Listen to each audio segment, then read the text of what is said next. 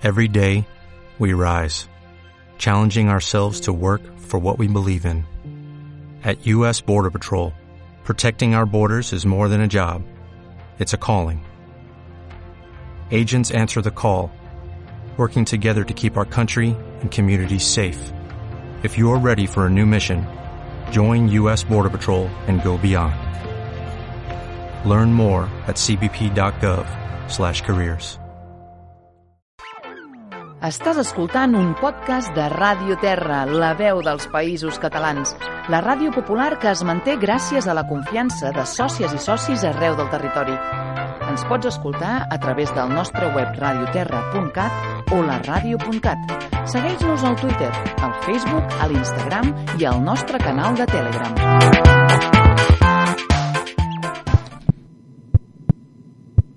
Xoc d'estics amb Artur Àvila.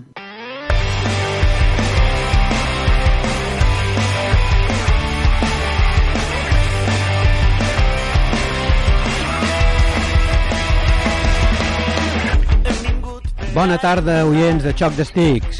Després d'unes merescudes vacances, els nostres equips d'hoquei han reiniciat ja les competicions. Novament els patins roden per aquestes pistes i novament el nostre programa està amb vosaltres cada dimarts tarda per informar-vos de tot el que passi en el món de l'hoquei sobre patins dels països catalans. I certament que per ser el primer cap de setmana de competició de l'any no ens podem queixar dels esdeveniments que hem pogut viure. Ara us ho avancem en titulars, però també us dic des de ja que hem tingut de tot, golejades, sorpreses, equips que perden la imbatibilitat, altres que es col·loquen líders de les seves lligues, altres que s'han classificat per la Copa, etc etc. Anem ja amb els titulars d'avui. A la Copa d'Europa femenina, Manlleu i Palau tenen peu i mig a la final fort 2019. El Voltregà haurà de remuntar un gol al Benfica. A l'hoquei Lliga masculina, el Voltregà trenca l'imbatibilitat del Reus i de pas es classifica per la fase final de la Copa del Rei. També a l'hoquei Lliga masculina, Vic, Sant Cugat i Vendrell guanyen i deixen molt tocats a la classificació a Alcoi i Girona. A l'hoquei Lliga Femenina, el Manlleu no té pietat del Cue Conquest Mineres, 22 a 2, mentre que el Reus aconsegueix la primera victòria de la temporada. Les lligues nacionals catalanes masculines i femenines inicien la segona fase, amb el Piera com a nou líder dels, dels nois i el Palau femení, que ja porta un 15 de 15 en victòries. A la Lliga Sud, hoquei bronze, el Cosentany de Golaixa 8 1 al Càjar Granadí i continua líder. I a la secció Rei Palau us presentarem una jugadora d'hoquei, entre altres esports, que aquí capitaneja un equip que és conegut amb el mot Espartanes.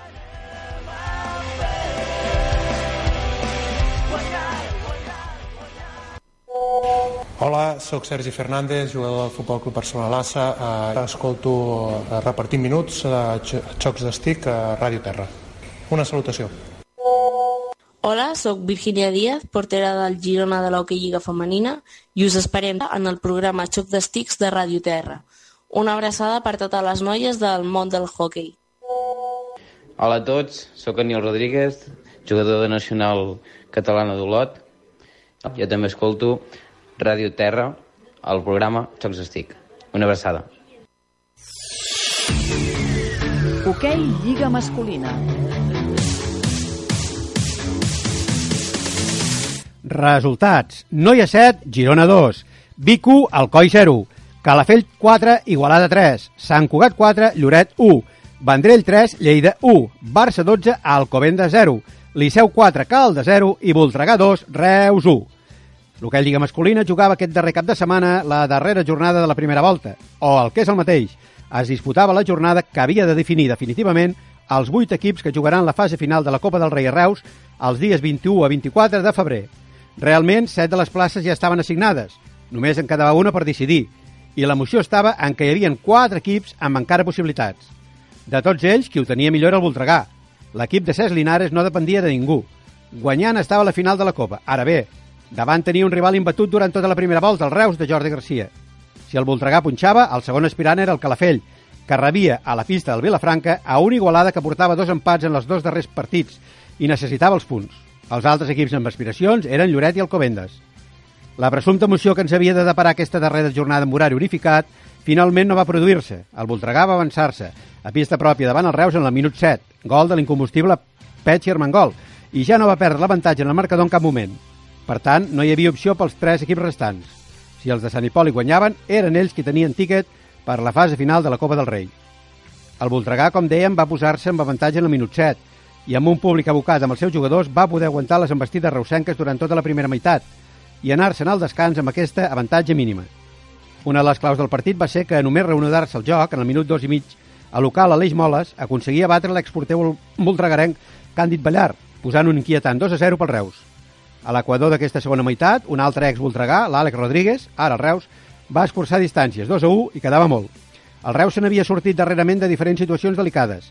No obstant, aquesta vegada no va ser així, tot i que el mateix Àlex Rodríguez va disposar d'una falta directa que va aturar un extraordinari Blai Roca. Amb aquest resultat de 2 a 1, el Voltregà trencava l'imbatibilitat del Reus aquesta temporada i donava el premi a la seva afició d'aconseguir el bitllet de la Copa. A Vilafranca, el Calafell feia els deures, esperant que el seu veí tarragoní el Reus els donés un cop de mà. I tot i que no va ser així, com a mínim els aficionats calafallencs presents a Vilafranca van sortir contents amb el joc i el resultat del seu equip, que va imposar-se 4-3 a l'Igualada, remuntant un 2-3 i marcant el definitiu gol de la victòria a menys de 40 segons pel final. Gol triomfador signat per Sergi Torner, que ja n'havia marcat un. I va anar-se'n a casa amb un nou doblet, al igual que el seu company, Àngel Rodríguez. Els altres dos equips que havien arribat amb possibilitats de classificació copera eren Lloret i Alcobendes. Els dos jugaven lluny, lluny de casa. I els dos van caure derrotats. El Lloret visitava un Sant Cugat necessitat de punts per fugir dels darrers quatre llocs de descens. En aquesta ocasió, els punts no se li van escapar als jugadors entrenats per Joan Carles Badillo, que van acabar golejant el Lloret per 4-1. Les coses van començar bé pels locals, quan abans del minut 5 una falta directa era aprofitada pel capità Pau Gilabert per batre Nando Serra i donar avantatge al seu equip. Un avantatge que els santcugatencs no només van poder mantenir, sinó que també van poder ampliar en uns, en uns intensos darrers 3 minuts de la primera meitat, en què els locals van disposar de dos faltes directes, transformades les dos per Cesc Maideu, la darrera a manca només de 5 segons pel descans. A la segona meitat, els llançadors de faltes directes no van estar tan acertats. Dos en van tenir els locals i dos els visitants, i cap d'elles va poder ser transformada. Així que només un gol per equip a l'equador d'aquesta segona meitat va modificar el marcador, deixant-lo amb una diferència de 3 gols pels visitants, assolida a bola aturada en els primers 25 minuts. Oxigen pel Sant Cugat, mentre que el Lloret no només es queda sense copa, sinó que es queda a només 3 punts del descens.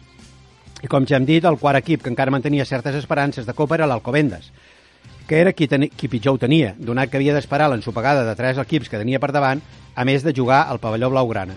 El Barça d'Edu Castro va fer, gal, va fer pagar els plats trencats de l'empat de dimarts passat a casa contra el Lleida i li va endossar a l'equip madrileny un contundent 12-0, amb triplets de Matías Pasqual i Jou Rodríguez, doblet de Pablo Álvarez i gol de Marc Gual, Pau Bargalló, Sergi Panadero i Nacho Alabar. La resta de partits, que no tenien influència en la classificació per la Copa, no deixaven de tenir la seva importància, ja sigui per aspirar a la part alta, ja sigui per evitar el descens.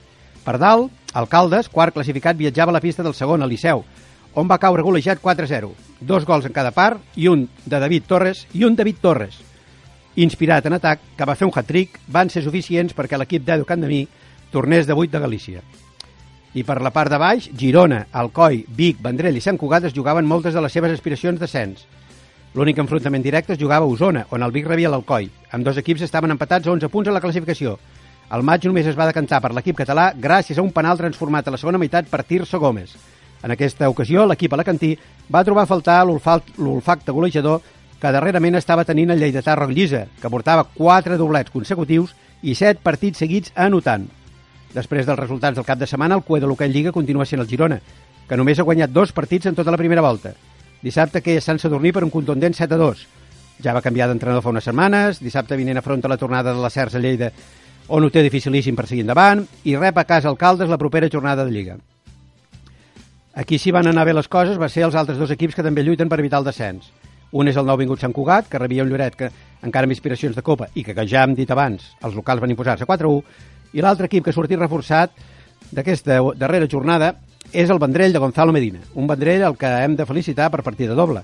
Primer per la darrera victòria contra el Lleida 3 a 1 i d'altre pel seu flamant de refitxatge, l'ex-Barça i ex-Voltregà, Javi Crespo. Després que us fem 5 cèntims de com va anar el partit, podreu escoltar un protagonista per equip i a més també vam tenir l'honor de parlar amb el protagonista de les darreres setmanes. Serà el propi Javi Crespo qui ens dirà com està, com va veure el seu nou equip i com encara la nova experiència. La primera meitat del Vendrell Lleida va ser força accidentada, ho diem sobretot per les boles aturades, fins a dos faltes directes i dos penals va disposar el Lleida, i dos directes al Vendrell. Faltes directes que van fer repetir-se, targes blaves que generen inferioritat i fins i tot un gol anul·lat a l'equip local. A part d'això, direm que van ser els visitants qui van dominar el joc i que si, van, i que si va arribar-se al descans sense gols va ser bàsicament per les bones aturades del porter local Gerard Camps, especialment a les boles aturades, i que va fer que el públic ovacionés i cridés el seu nom i no només per felicitar-li el seu 26è aniversari. Les primeres sensacions que van tenir els espectadors en iniciar-se la segona meitat és que la dinàmica seria la mateixa que la primera part. No obstant, un gol del capità Jordi Ferrer per part local en el minut 4 i mig va canviar aquesta dinàmica de què parlàvem. Evidentment, amb un marcador en contra, l'equip d'Albert Fulgarola no va donar res per perdut, continuava arribant en perill a la porteria de Gerard Camps. La diferència és que en aquesta segona meitat el Vendrell també inquietava la porteria de Lluís Tomàs. Per tant, en aquesta dinàmica que qualsevol equip podia marcar, va, va ser els visitants qui, mitjançant l'exjugador de l'Alcoi, Maxi Oruste, van aconseguir restablir la igualtat en el minut 14. Va respondre el Vendrell amb un potent tret de Guido Pelissari, que va tocar la xarxa per fora. Va tornar-lo a Lleida poc després, amb una assistència de César a Maxi Oruste, que atura novament Gerard Camps. Finalment, aquestes anades i tornades van beneficiar l'equip local, que veia com Manu Necci posava el 2 a 1 a manca de 7 minuts pel final. A partir d'aquí, els nervis van aflorar la pista. El Vendrell volia conservar com fos tres importantíssims punts. Els lleidatans no es conformaven ni molt menys. L'anècdota del partit va ser que el marcador es va aturar uns segons quan, mar quan marcava que mancava 1.45.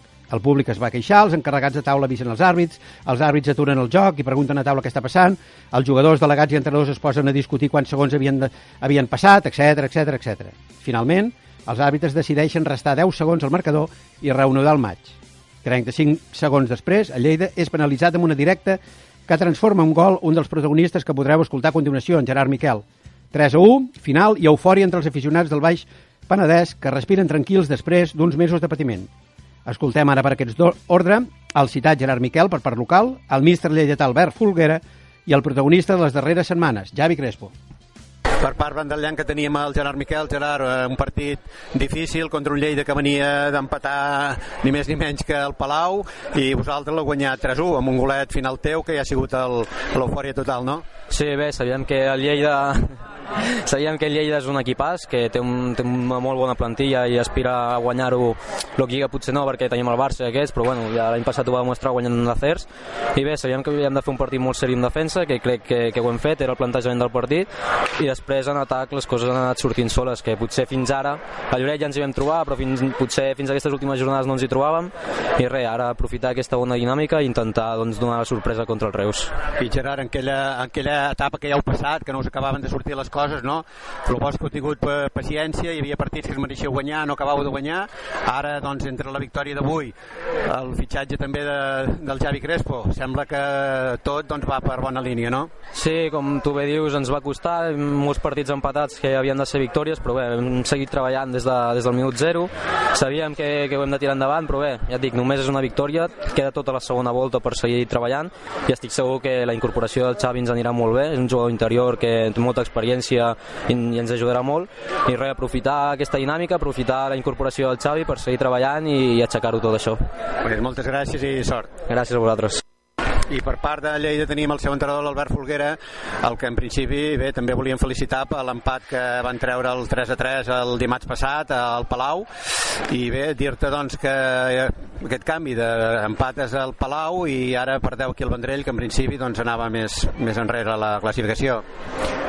Bueno, penso que el Palau va fer un bon partit i avui és un partit més de la nostra lliga, vull dir, és un equip que, que clar, la, la gent a nosaltres ens veu assequibles, ens veu un equip que ens poden guanyar. Per tant, sí que és veritat que nosaltres ho fem força bé amb els grans, però després aquests partits s'han de saber tirar endavant, no? Des de bon començament ja hem vist que hem estat molt desencertats eh, amb els penals, els directes que hem tingut, no hem estat fins, no l'hem ficat, no ens hem ficat a davant, sempre hem anat a remolc, hem set cap postos d'empatar i quan semblava que estàvem a punt, a punt, a punt de fer una, un error ens ha, ens ha condemnat, no? Per tant, hagués preferit no guanyar el Palau i guanyar avui, no? Però bueno, eh, tots fem de que va això, la cosa qualsevol pista és complicada i Vendrell està en una situació pues, que, bueno, que estan, fins ara estan molt avall però és un equip que, que té potencial per estar més amunt i, i avui ho han demostrat per tant aquests són els partits que costa guanyar quan, quan jugues de tu a tu amb, amb, amb, amb rivals que et veuen com ells no? Ara la competició ens depararà un pròxim mes eh, espectacular pel Lleida, no? perquè la CERS, la, la, la, la Copa, a veure, la Lliga, doncs, eh, fins a on podeu arribar? Bueno, això és un no parar, això és una bogeria, no? Dissabte tenim la FERS, eh, dimarts anem a Sant Cugat, eh, pista complicadíssima, eh, després ve el Calafell a casa, vull dir, això és, és de bojos, no? És el que hi ha, per tant, jo ara que després del partit d'avui, la meva intenció només és una, no? Que fem una bona setmana d'entrenaments, que afrontem molt bé el partit de, de, de, de Girona, de Cers, perquè tot i guanyar 1 6 allà, el que no podem fer és, és, és marxar amb sensacions dolentes, tenim que estar molt serios, molt centrats, fer les coses molt bé i, i a partir d'aquí doncs, eh, anar partit a partit. Moltes gràcies Albert i sort. Gràcies. Teníem el Javi Crespo també, bé, primer doncs, preguntar-li com es, quin és el seu estat d'ànim i també després que ens digui doncs, com ha vist el seu equip, avui no ha pogut de, debutar perquè acumulava una sanció, però doncs, ha vist com els seus companys del nou equip guanyaven, volíem saber una mica les teves sensacions, Javi. Bueno, eh, des que t'he arribat aquí a Vendrell estic molt, molt i molt content, amb molt bones sensacions i, i bé, he vist una, des del primer dia he vist un equip que, que no es conforma allà on està i que té clar que, que no és el seu lloc. I avui ho ha demostrat, no? Eh, una intensitat brutal, un partit on s'han deixat la pell i eh, el Vendrell doncs, ha tret el, el partit endavant. Porta la setmana, portem la setmana aquesta entrenant molt fort i, i pel que sé porten moltes setmanes entrenant bé i els resultats doncs, ja, ja ha arribat el primer i arribaran més. Escolta, els qui no et coneixíem així directament, eh, però seguim totes les xarxes socials i seguim el món de l'hoquei, eh, després del que t'ha passat, bueno, la sensació que ens queda és que ets una persona estimada per tothom, tant els teus companys com excompanys, com tothom han vist que respost i ha estat al de costat. Què passa, el món de l'hoquei és així o és que tu doncs, ets molt bon company? Bueno, no ho sé, però bé, jo, jo sóc una persona que allà on estàs deixa la pell i crec que en el meu joc es nota i bueno, mm, crec que és per això no? que, que la gent es sent identificada amb la, amb la lluita que jo deixo dintre la pista i ja està molt, molt, molt agraït pels ànims que he rebut els últims dies i, i molt content doncs, que tant gent del meu exequip com gent d'altres equips m'hagi donat suport i hagi estat al meu costat. Doncs bé, nosaltres també des de la modèstia d'una petita emissora però que segueix el món de l'hoquei també doncs, desitgem el millor i endavant. Moltes gràcies. Després de tots aquests partits que us hem explicat, la classificació de l'hoquei Lliga masculina queda així. Primer Barça amb 39 punts, segon Liceu amb 35, tercer Reus amb 30 i quart Caldes amb 29. Aquests quatre equips seran caps de sèrie en la propera edició de la Copa del Rei. Cinquè Noia, sisè Lleida, setè Igualada i vuitè Voltregà completen els vuit equips amb dret a participar en aquesta final a 8 de la propera Copa Reus 2019. La propera jornada de l'Hockey Lliga, primera de la segona volta, es disputarà entre el proper cap de setmana i dimarts següent. El motiu és que el proper cap de setmana els equips que queden vius a les dues competicions europees tenen jornada continental. D'aquesta jornada 16 destaca l'encontre entre Barça i Liceu, és a dir, primer contra segon. I per finalitzar la informació de l'Hockey Lliga masculina, us direm que la llista de pitxitxis la segueix encapçalant Pablo Álvarez del Barça amb 22 gols. Hoquei Lliga Femenina.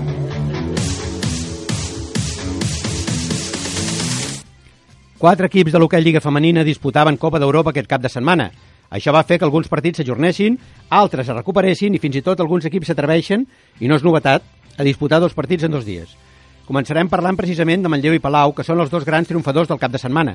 Dissabte jugaven els quarts de final anada de la Copa d'Europa femenina, aconseguint excel·lents resultats. I diumenge jugaven els seus partits d'Hockey Lliga i també guanyaven. Bé, el Manlleu, a més de guanyar, va golejar 22 a 2 al CUE Cuencas Mineres.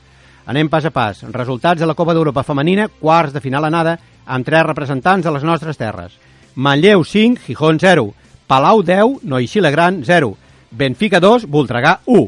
I el darrer enfrontament, sense representar català, o sí, perquè l'entrenador de l'Iserlon, que va golejar 11-1 al Montré, és el nostre amic i conegut, dels nostres oients, Quim Puigverd. El Manlleu, líder de l'hoquei Lliga Femenina, i amb peu i mig a la final fort de la Copa d'Europa, després del 5-0 dissabte davant el Gijón, va golejar diumenge el nouvingut Cuenques Mineres de Pola d'Helena per un escandalós 22 a 2.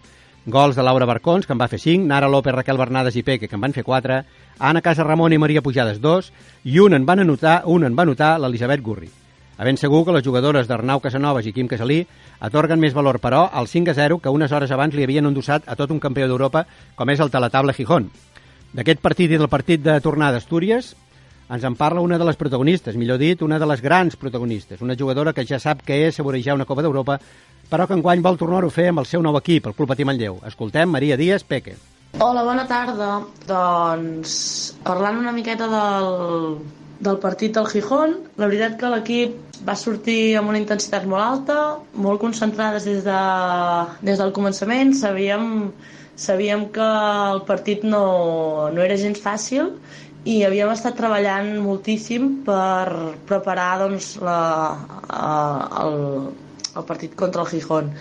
Les claus van ser la concentració i la intensitat amb, la, amb, la, amb, les, amb les que vam sortir i, i, bueno, i destacar també doncs, tota la feina feta fins ara de l'equip i, i això doncs, va donar els seus fruits i al final doncs, ens vam posar per davant molt ràpid en el marcador, que això també va ser una de les claus del partit.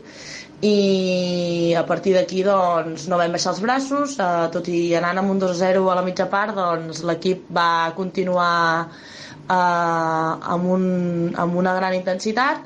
I i sí que és veritat que elles a l'inici de la segona part. Van sortir una mica més enxufades que nosaltres i ens van, ens van posar les coses difícils, però ràpidament nosaltres vam saber-ho controlar i fins al final del partit, al final, doncs, la segona part vam fer tres gols i molt contentes per la feina feta de l'equip, eh, molt, contentes, molt contentes pel resultat, però eh, sabem que no està res fet, això és, eh, l'esport és així, vull dir, un dia guanya 5 a 0, però però l'endemà doncs, pots, el resultat pot ser el mateix però a l'inversa, perquè estem parlant d'un gran equip que és el Gijón, campió d'Europa. Per tant, quan anem el 7 de febrer a Gijón anirem amb els cinc sentits posats eh, eh, molt concentrades, amb moltes ganes de fer-ho bé, de seguir treballant i sobretot mentalitat de, de, que, de que començarem el partit 0-0 i, i, i, que ens, i que anirem a guanyar el partit, no anirem a, a mantenir el resultat. Com us dèiem, l'altre equip guanyador d'aquest cap de setmana és el Palau de Miquel Busquets, un Palau que golejava dissabte 10 a 0 a l'equip francès del Noixí Legrand i que diumenge s'emportava els 3 punts de Girona, on va acabar guanyant 3 a 7, tot i començar perdent 2 a 0 en els primers minuts en contra. Hem demanat a una de les protagonistes del partit de Copa d'Europa que ens fes 4 cèntims d'aquesta golejada 10 a 0, una jugadora que dissabte va poder marcar dos gols i diumenge quatre. Escoltem Laura Puigdueta. Doncs el partit referent a Copa d'Europa, la veritat és que no sabíem què ens trobaríem, però sabíem que havíem de sortir a totes, eh, concentrades fins al final, perquè ens hi juguem molt en partits com aquests. Llavors això és el que vam fer, sortir a per totes i, i la veritat és que bueno, havíem de treure el millor resultat, possible per poder marxar cap allà pues, mm, tranquil·les no, perquè mai se sap el que pot passar, però, però, però amb una mica més de, de, de calma, no? Tot i així, bueno, ara ens queda encara una tornada, així que, que bueno, seguirem entrenant i, i amb moltes ganes ja d'anar cap allà per, per veure si podem acabar traient aquesta eliminatòria. El tercer equip català que encara està viu a Europa és el Club Patí Voltregà. L'equip de Sant Hipòlit viatjava a Lisboa per enfrontar-se a l'històric i potent Benfica. Les jugadores entrenades per Pep Rovira van caure per un ajustat 2 a 1, un resultat que, tot i el disgust inicial per la derrota, és totalment remuntable a l'Oliveres de la Riba, sobretot si els amics de Saki i Ganxo s'hi deixen la veu com normalment fan. Una de les protagonistes, la Cristina Barceló, ens deia precisament això, el resultat del tot remuntable. Doncs bé, el partit va començar força intens en ocasions per les dues bandes i el primer gol va arribar pel nostre costat a partir d'una contra. Um, després d'aquest mm, gol ens vam desinflar una mica en defensa i, la, i de cara a porteria no vam ser decisives i ens van fer elles els dos gols. Jo crec que va ser un partit maco, les dues porteres van tenir un gran paper sota pals i res, és una, és una pista molt difícil amb un contracamp molt fort, però bueno, vam tenir un resultat força obert i esperem que a casa ho puguem decantar pel nostre costat. Bé, un cop repassada la jornada europea, us direm que a l'hoquei Lliga Femenina a part de les ja explicades victòries de Manlleu i Palau, el resultat més destacat va ser la primera victòria del Reus Deportiu, que va imposar-se 3 a 0 a un rival directe, Liceu, unes hores després de perdre davant l'Orcolcón 1 a 3. Per tant, dissabte derrota i diumenge victòria balsàmica per l'equip de Javi Sama, amb gols d'Alba Garrote, Míriam de la Fuente de penal i Helena de Cibate. L'equip del Baix Camp, que fa res ho veia molt negre des de la cua de la classificació, ha avançat amb aquesta victòria a Liceu i Quanques Mineres i veu la salvació a 6 punts. La resta dels resultats van ser aquests. Vilanova 4, la Rozas 1, Vilassana 4, Cuencas Minera 0, Viga 6, Liceu 0 i Cerdanyola 3, la Rozas 3. La Pichichi de l'Hockey Lliga Femenina és una de les protagonistes que hem pogut escoltar, la Maria Díaz Peque del Manlleu, que l'encapçala amb 22 gols. La propera jornada, el líder Manlleu viatjarà a Vilassana, equip que actualment ocupa la quarta posició i que aspira a ser cap de sèrie a la propera edició de la Copa de la Reina. Hola, sóc Lluís Tomàs, el porter de Lleida Llista Blava. Jo també escolto el programa Repartint Minuts de Ràdio Terra i us desitjo molts, molts èxits i poder-vos escoltar durant molts anys i us dono les gràcies per parlar d'hoquei, l'esport que, que tan estimem. Hola, soy Catalina Acevedo, exjugadora de Selección Colombia de hockey sobre patines. Tuve la oportunidad de jugar varias temporadas en España, una en el Club Girona y otra en el Club Patín Mieres.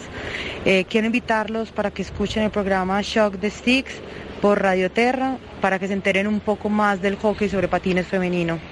Chao. Hola, sóc Frederic Hinojal, jugador del Hockey Club Sant Just de Nacional Catalana.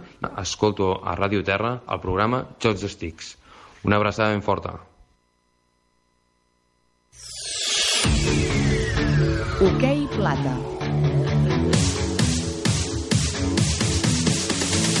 La segona màxima categoria de l'hoquei estatal va disputar la jornada 11, amb aquests resultats. Taradell 5, Vilafranca 2, Vilanova 4, Barça 3, Tordera 3, Xum 4, Raspeig 2, Liceu 11, Palafrugell 4, El Picat 5, Mataró 1, Arenys 1 i Manlleu 3, Sant Feliu 3. Amb aquests resultats, la classificació queda així.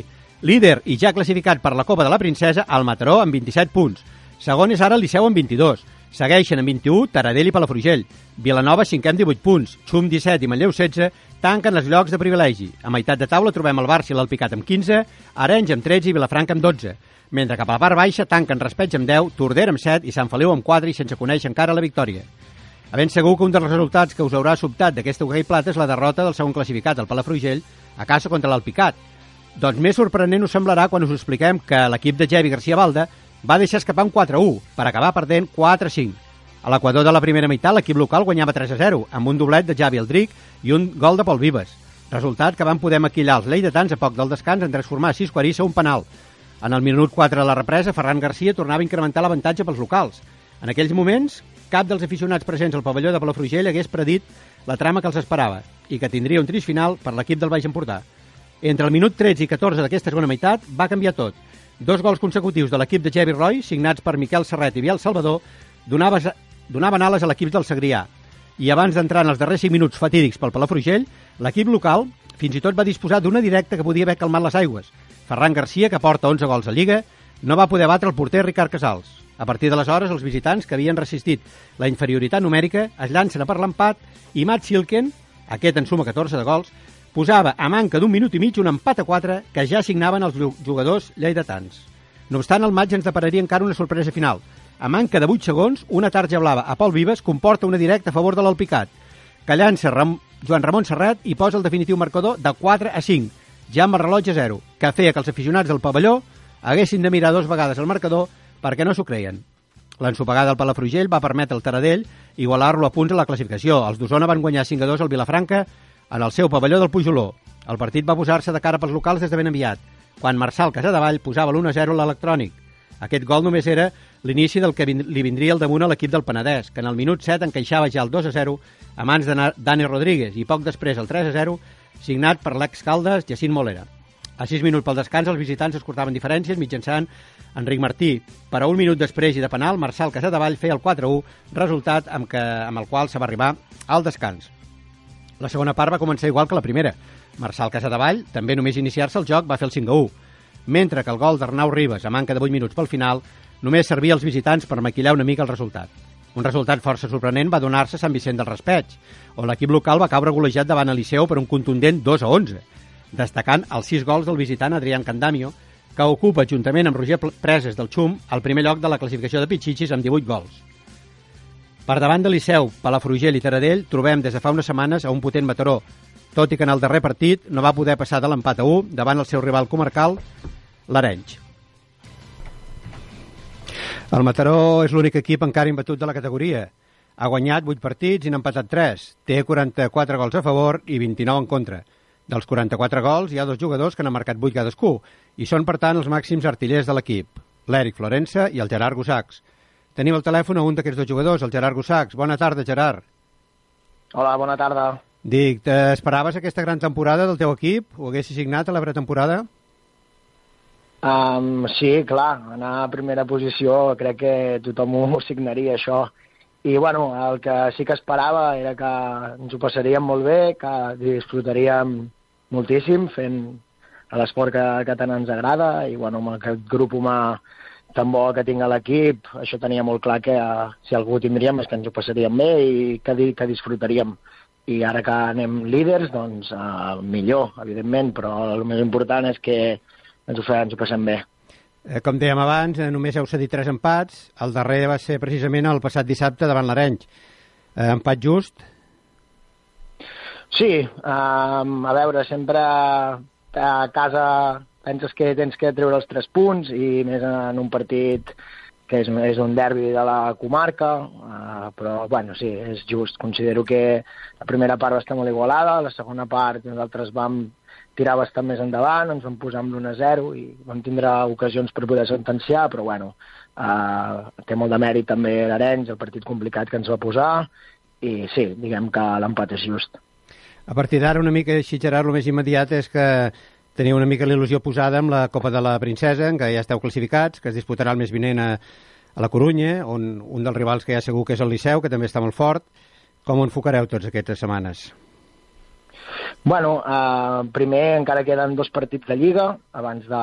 no, perdó, uns quants més, i després quan toqui pensar en la Copa ja hi pensarem. Um, el que sí que farem és anar allà a competir els partits com fer sempre, a fer el nostre joc alegre i, evidentment, intentar-la guanyar. Però sense cap uh, pressió, això és un premi i, primer de tot, disfrutar-la i si la podem guanyar, pues, cap a Mataró millor.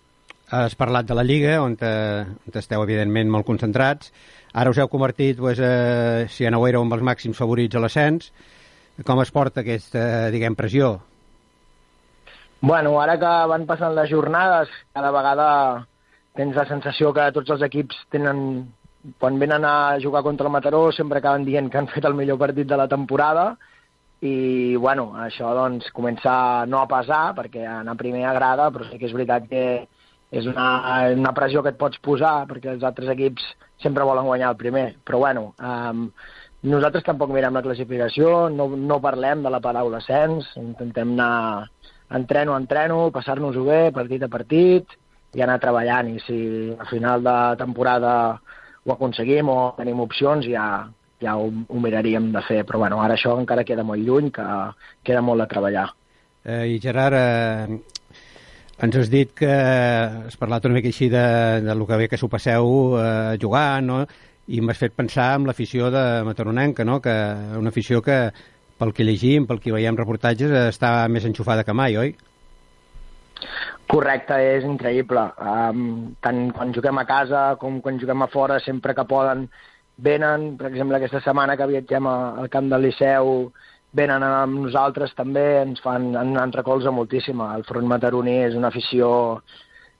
Per mi és una, una, una de les millors aficions que hi ha, tant de Hockey Lliga Plata i podria dir-te de la Hockey Lliga també. Poques aficions animen de la manera que animen ells i, i bueno, els estem infinitament agraïts perquè en, ens ajuden moltíssim i sempre ens donen aquell últim alè i que, que, que serveix per tirar els partits endavant.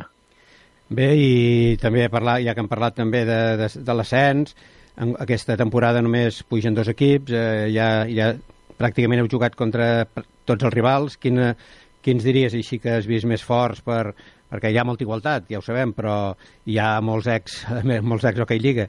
Però quins, quins me diries que, que, que enguany estan, doncs, eh, tenen un bon potencial? Doncs t'enganyaria si et digués uh, el que jo penso, perquè considero que aquesta lliga està molt igualada, que sí que hi ha equips que a priori tenen plantilles amb jugadors amb més nom, jugadors amb menys nom, però al cap i a la fi a vegades això és el de menys, i si un equip té jugadors sense nom però treballa bé, es pot convertir en un equip molt difícil de, de, de, de guanyar, i bueno, hi ha equips que um, tenen un potencial que no marca gens on es troben a, en la classificació i que segur que tiraran amunt, i hi ha equips que potser estan més amunt i acabaran anant una mica més avall, però bueno, um, no et podria dir qui, qui són els candidats a l'ascens. Um, ja, ja, això ja es anirà veient.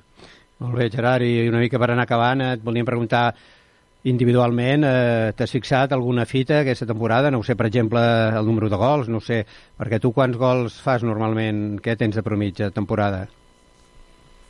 Um, sincerament, no, no tinc cap fita i tampoc miro quants gols faig. El que sí que intento és um, anar a entrenar cada dia amb la màxima il·lusió, um, passar-m'ho bé fent el hockey, que això és el més important, perquè si, si no, no ens ho passem bé fent això ja podem plegar, qui diu així, i, i bueno, això és el més important, disfrutar, continuar guanyant partits, i que continuï aquesta bona sintonia que tenim en aquest vestuari al Mataró i continuem a dalt durant totes les jornades que puguem, però sobretot passar-nos-ho passant-nos-ho bé.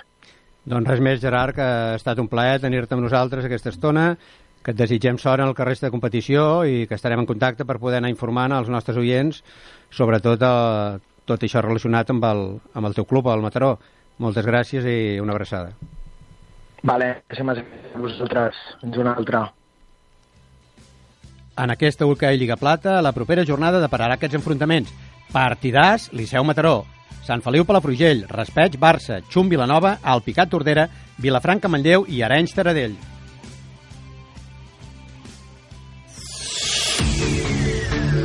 Lliga Nacional Catalana Masculina. La Lliga Nacional Catalana Masculina iniciava la segona fase en el grup d'aspirants a l'ascens, Piera 7, Sant Just 3, Olot 2, Cerdanyola 2, Sant Manat 4, Jaic 2 i Noia 4, Caldes 4. Després d'aquests resultats, la classificació l'encapçala el Piera amb 14 punts, seguit del Caldes amb 13 i el Salmanat amb 12. Una mica més despenjats trobem a l'Olot, Jaic i Noia amb 8, mentre que tanca la classificació el Cerdanyola i el Sant Just amb 7. En aquest grup, com acabem de dir, el nou líder és el Piera del Joan Doncel Xino, un Piera que es desfeia diumenge passat del Sant Just per un contundent 7 a 3. Un Sant Just, entrenat pel conegut Ferran Pujalte, que va sortir a pista amb el seu 5 de gala, amb De Sousa sota pals, Borja López, Fede Hinojal, Josep Grima i Pujalte.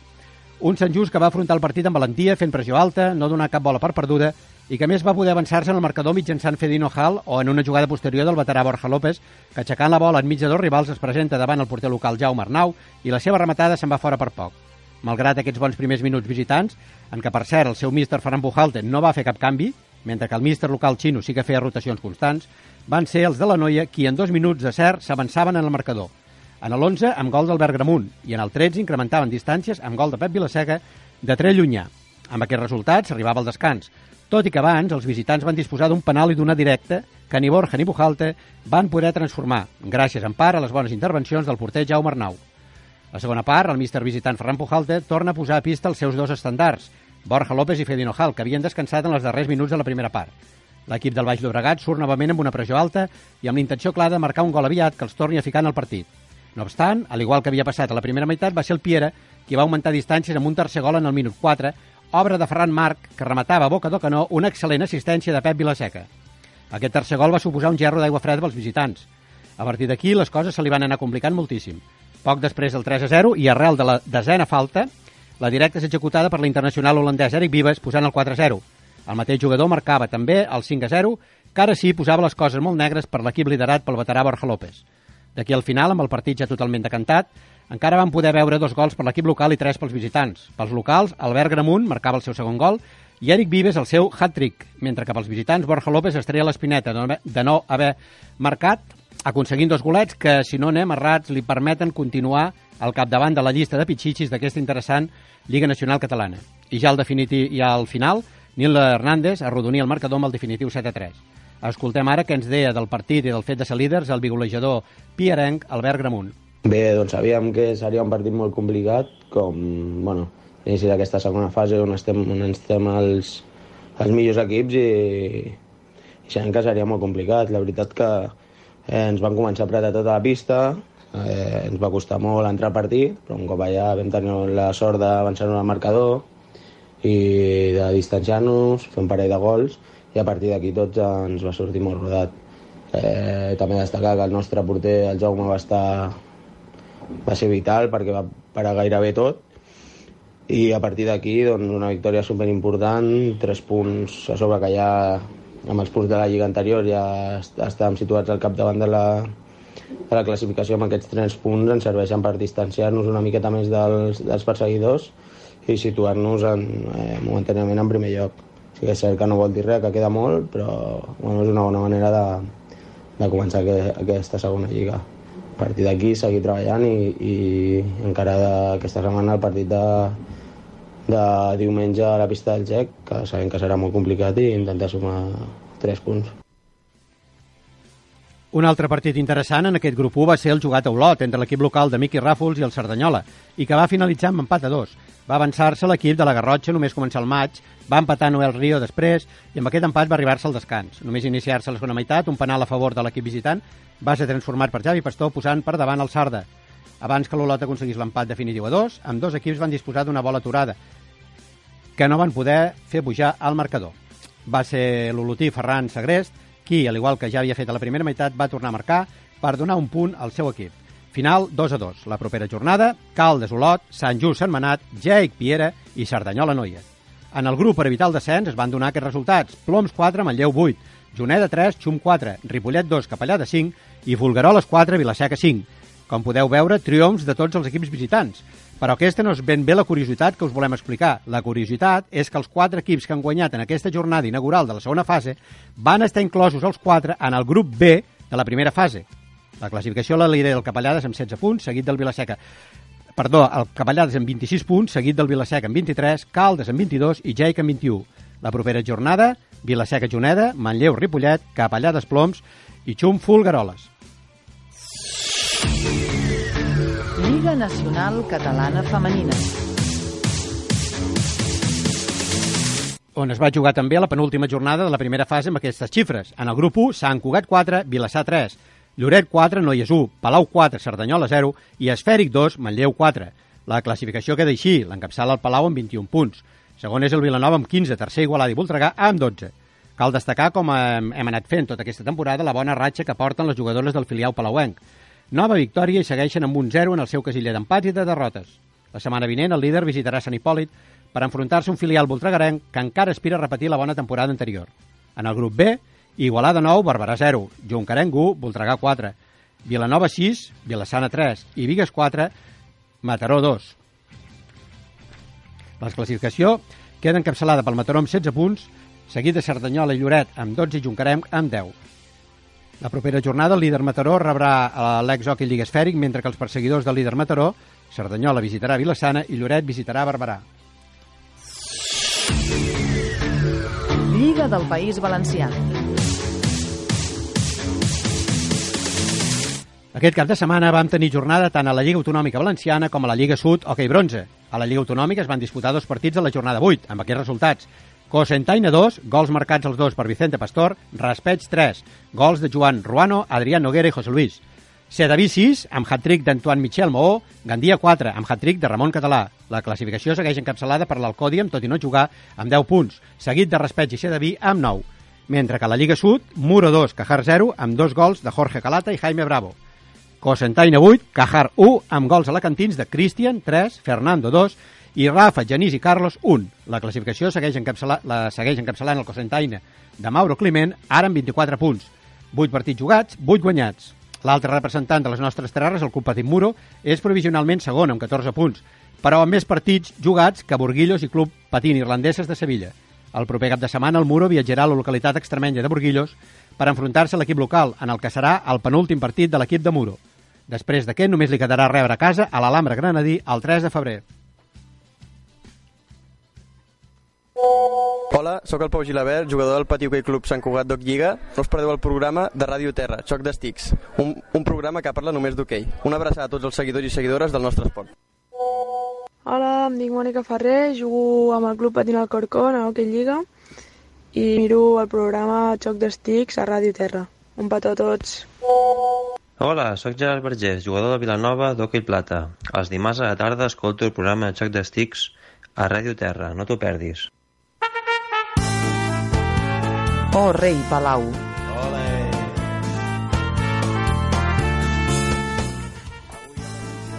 Palau ens entrarem a l'Oara Bautista de Vega L'Oara és una jove madrilenya de 23 anys que sembla nascuda per practicar l'esport. Al llarg de la seva vida ha practicat el rugby, el patinatge artístic, l'hoquei sobre patins. Buenas tardes, Oara. Rugby, patinaje artístico, hockey, ¿me dejo alguno? No, la verdad es que de momento no. Eh, empecé con patinaje artístico y enseguida me enganché al hockey y luego ya a los 17 tuve que deci- decidir entre los dos y luego me he vuelto a aficionar al rugby.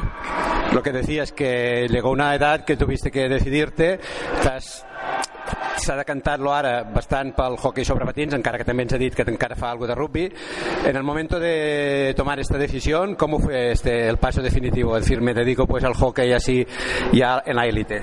Pues fue cuando empezamos a jugar campeonatos de España, sub-16, ahí ya se me empezaron a juntar los nacionales y tuve que tomar la decisión y bueno, eh, desde pequeñita el hockey era mi amor y hacía patinaje artístico también porque les gustaba a mi familia, pero yo ya me había decantado hace muchos años, ahí ya fue mi oportunidad para decidir ya por fin. Eh, sem, eh, la Oara, des de quan se va decidir en aquell moment, i, i ara encara hi és, eh, només ha tingut un equip, que és el Club, el Club Patín Alcorcón. Amb el seu equip, la, la Oara doncs, va aconseguir una fita molt i molt important en la seva carrera. Va ser la temporada 2014, quan l'Alcorcón es va proclamar campió d'Europa d'hoquei femení. Va ser a França, davant l'equip francès del Noisy-le-Grand. L'equip lo- de l'Oara va guanyar 4-3. Com recuerdes tot aquello ara? Pues justamente eh, ese momento yo estaba en Estados Unidos, eh, así que lo viví desde allí, siguiéndolas online, eh, apoyándolas desde todo momento. Y la verdad era como seguir la federación eh, a minuto a minuto, fue muy estresante. Cuando le sacaban tarjeta azul a Raquel en ese momento, como lloraba por la tele, pero la verdad fue el mejor momento de mi vida.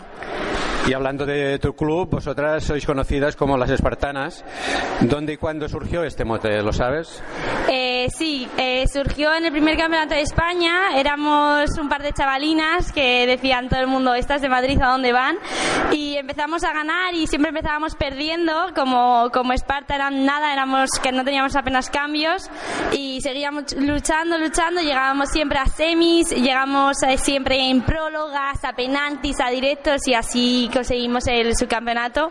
Y ahí empezó el nombre de Espartanas porque éramos de roer hasta el final. Ahora muchos, muchísimos de los partidos que has jugado en tu carrera han sido en suelo catalán, por tanto nadie mejor que tú para que compares un poco el sentimiento hockeyístico, las aficiones, etcétera, catalanas y madrileñas. ¿Cómo se vive en, su en tu tierra? ¿Cómo crees que se vive aquí?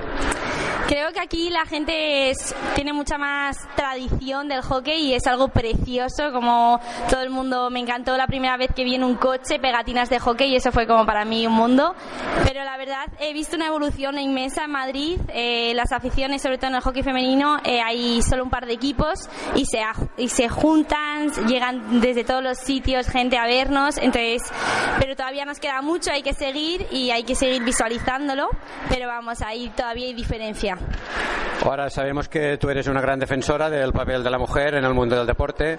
En estas 16 temporadas que llevas en la élite del hockey, ¿ha cambiado algo este rol de la mujer? ¿Se ha avanzado? ¿Os sentís equiparadas un poco al hockey masculino?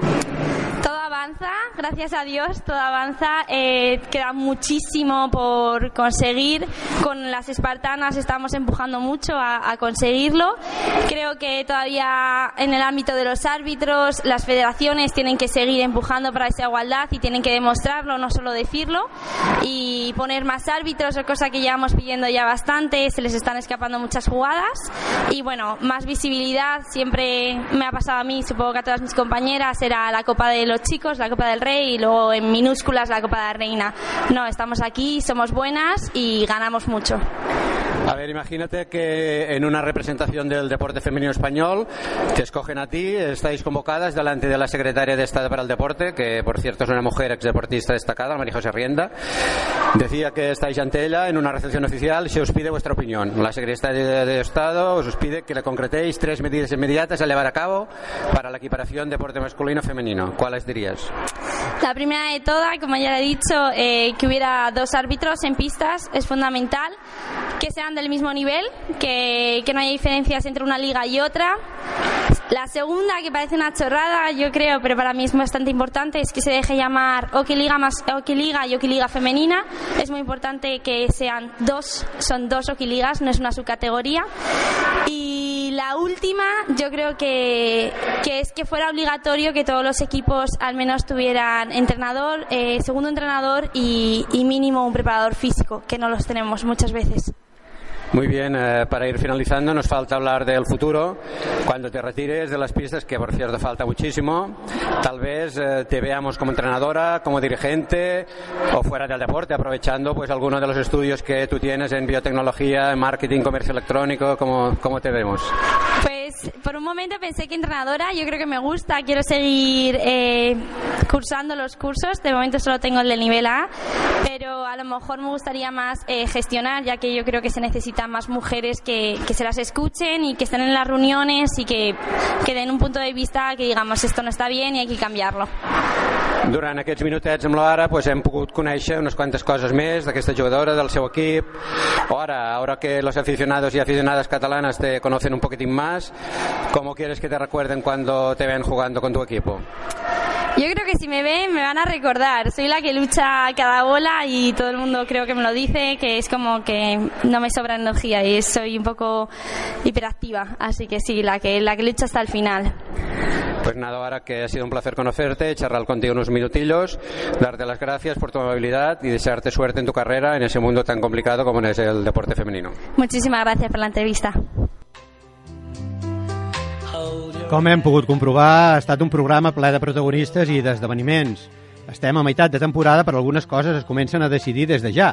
A partir d'ara no faltarà l'emoció en cadascuna de les competicions i nosaltres, Xoc d'Estics, estarem aquí cada dimarts per explicar-vos-ho. Contents de poder-ho fer, contents de, del seguiment que estem tenint, contents d'haver superat ja els 1.000 seguidors a Twitter i res més, que s'acomiaden de vosaltres el nostre tècnic control Albert Sales i qui us ha parlat Artur Àvila. Que tingueu tots una bona setmana i us esperem aquí dimarts vinent a les 6 de la tarda. and the sweet silver sound. Has escoltat un podcast de Ràdio Terra, la veu dels països catalans. Thank you.